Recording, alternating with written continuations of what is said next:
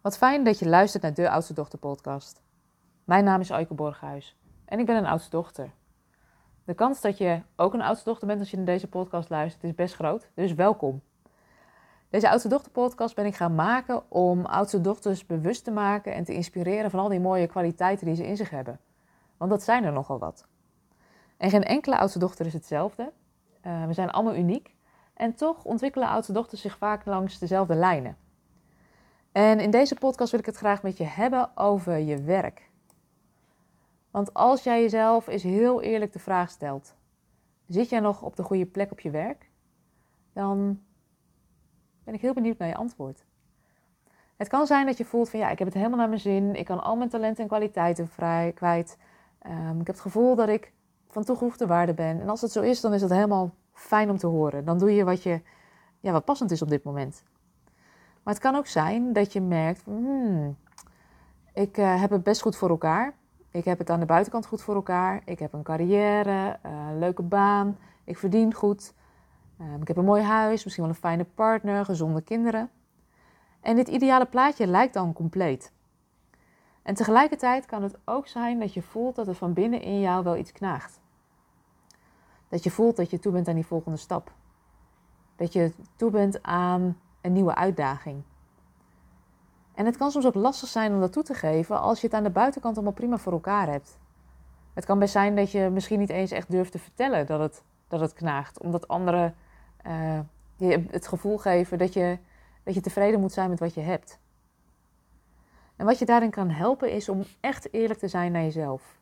En echt eerlijk zijn naar jezelf, die, die, dat doe je vaak niet in je hoofd, maar dat vraagt dat je eigenlijk even je aandacht naar binnen richt. En stel jezelf maar eens de vraag of je dit herkent. Mijn werk levert eigenlijk niet meer zoveel voldoening op. Mijn energie lekt weg en alles voelt steeds meer als moeten.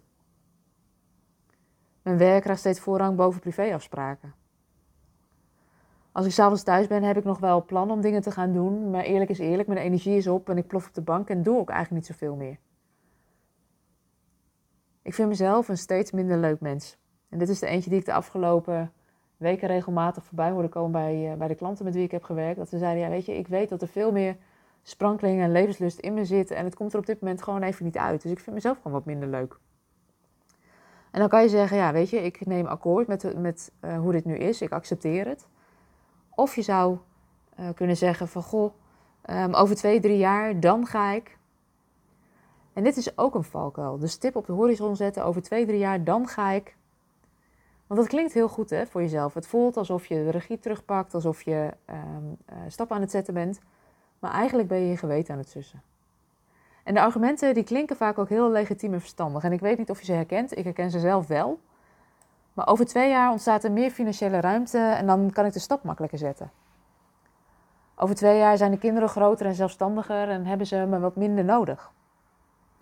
Dan ga ik eerst nog een studie afronden en dan ben ik toe aan die volgende stap.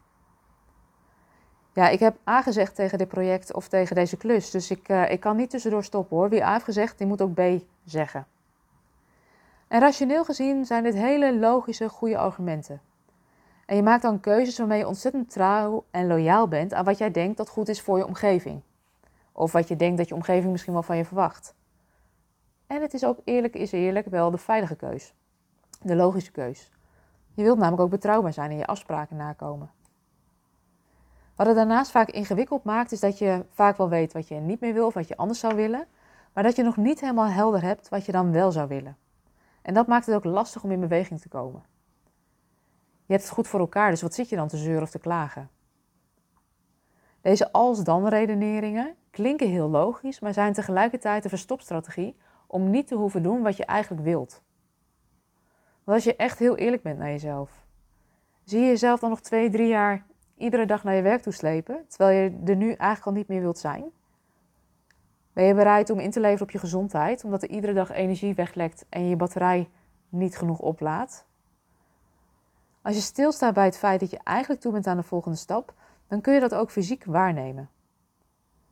Want maak maar eens even contact met je lijf, ga maar eens met je aandacht naar binnen en maak maar eens contact met het gevoel dat je um, dat verlangen of dat, dat, datgene wat in je knaagt, dat je daar ruimte voor maken. Van goh, ik zou wel eens willen onderzoeken wat die volgende stap zou kunnen zijn.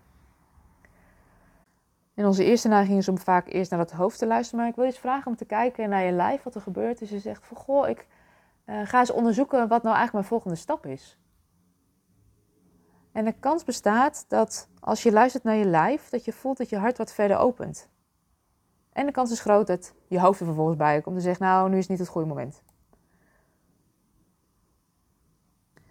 Weet dat als je dit zo ervaart of voelt, dat dit niet zo gek is.